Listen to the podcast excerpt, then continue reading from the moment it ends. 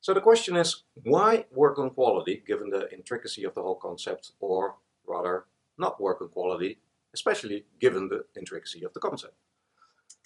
There are two reasons why you would want to do it.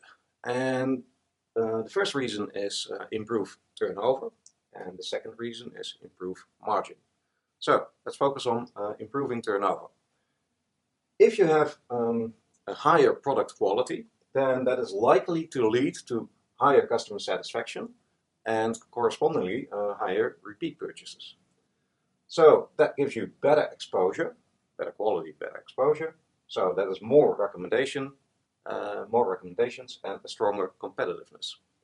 Now, if you leverage all of this in your marketing and sales efforts, then it is likely that you will sell more and easier and possibly uh, even in a self-reinforcing loop uh, so that you sort of become a hype because you are uh, that high quality.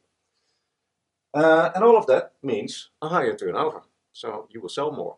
Yeah? A second reason to work on quality is improving margin. So if you look at turnover, then you are looking at quality on the outside, uh, quality in the products that lead to uh, more uh, sales. And if you look at margin, then you're looking at the company itself.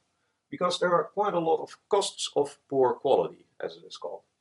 Internal failure costs are, for instance, uh, scrap, uh, stuff that uh, during uh, production um, gets lost and you can't use anymore. Or rework on things that aren't good enough and needs fix, need fixing to get them solved. Or process failure, for instance, when uh, processes break down or processes do nothing for a certain amount of time. Uh, external failure costs are product returns that you somehow have to uh, design the logistics for and pay for. Handling complaints and possibly even claims. And the biggest failure cost is lost sales. So customers that buy once from you and then decide, okay, that's crap, we will never buy there again.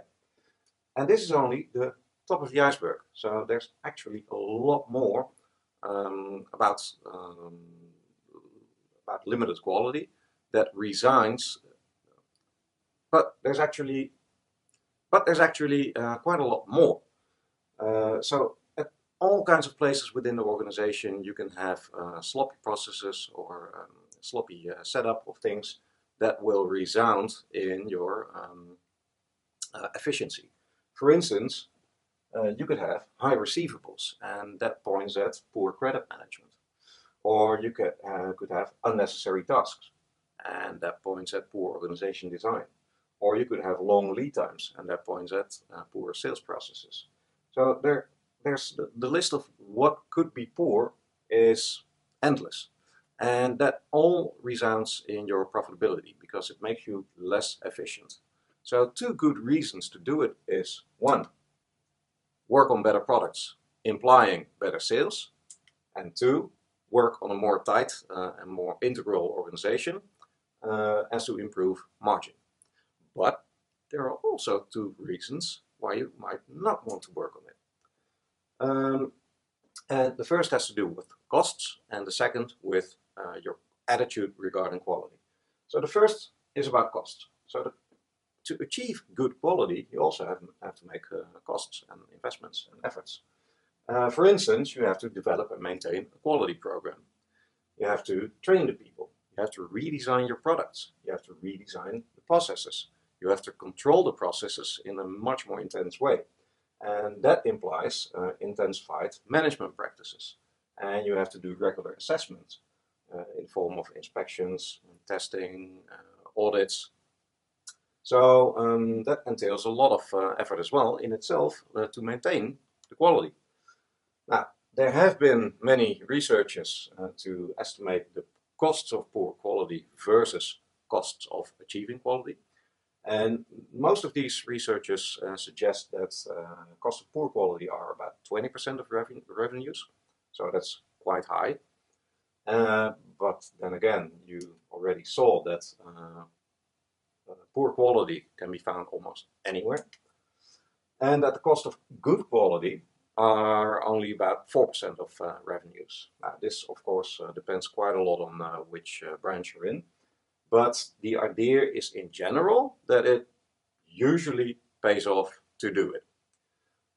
Nevertheless, there can be a second good reason why you would not want to do it. And that is that your attitude is not quality um, tuned.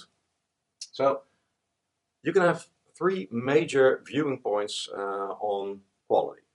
So the first one is that you see quality as a fix.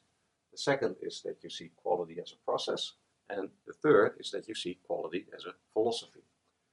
So if your viewpoint is quality uh, is a fix, then your uh, basic idea is if it ain't broke, don't fix it.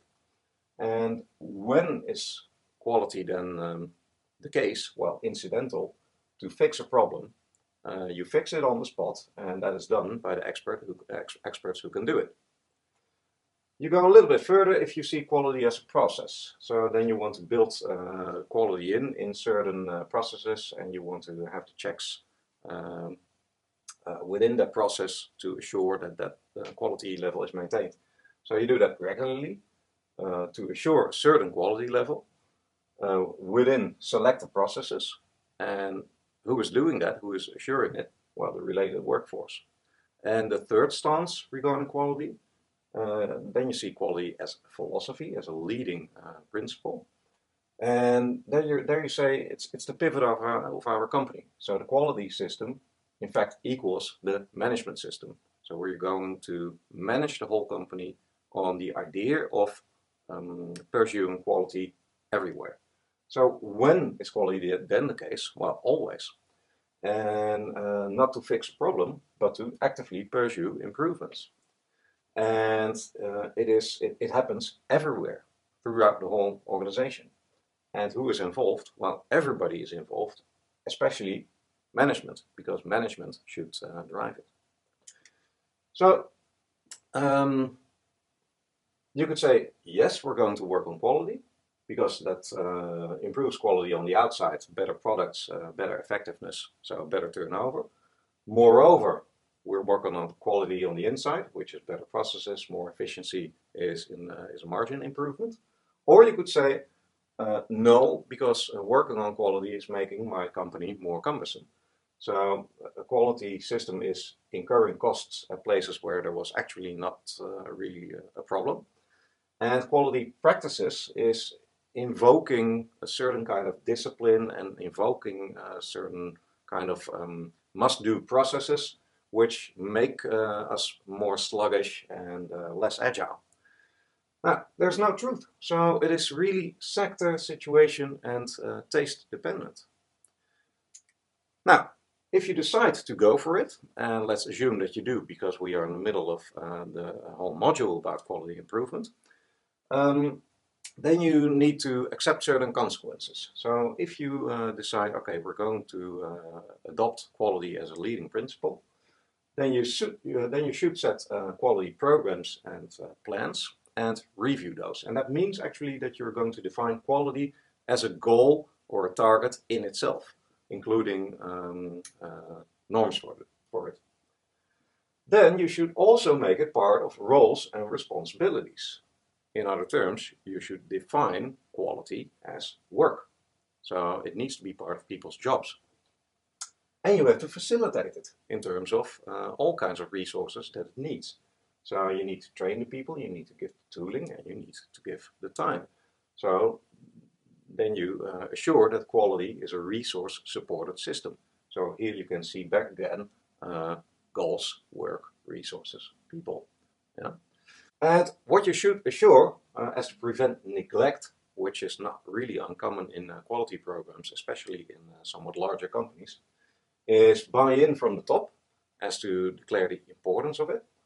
You should involve and facilitate all as to create the ability you should create incentives and a collaboration uh, culture.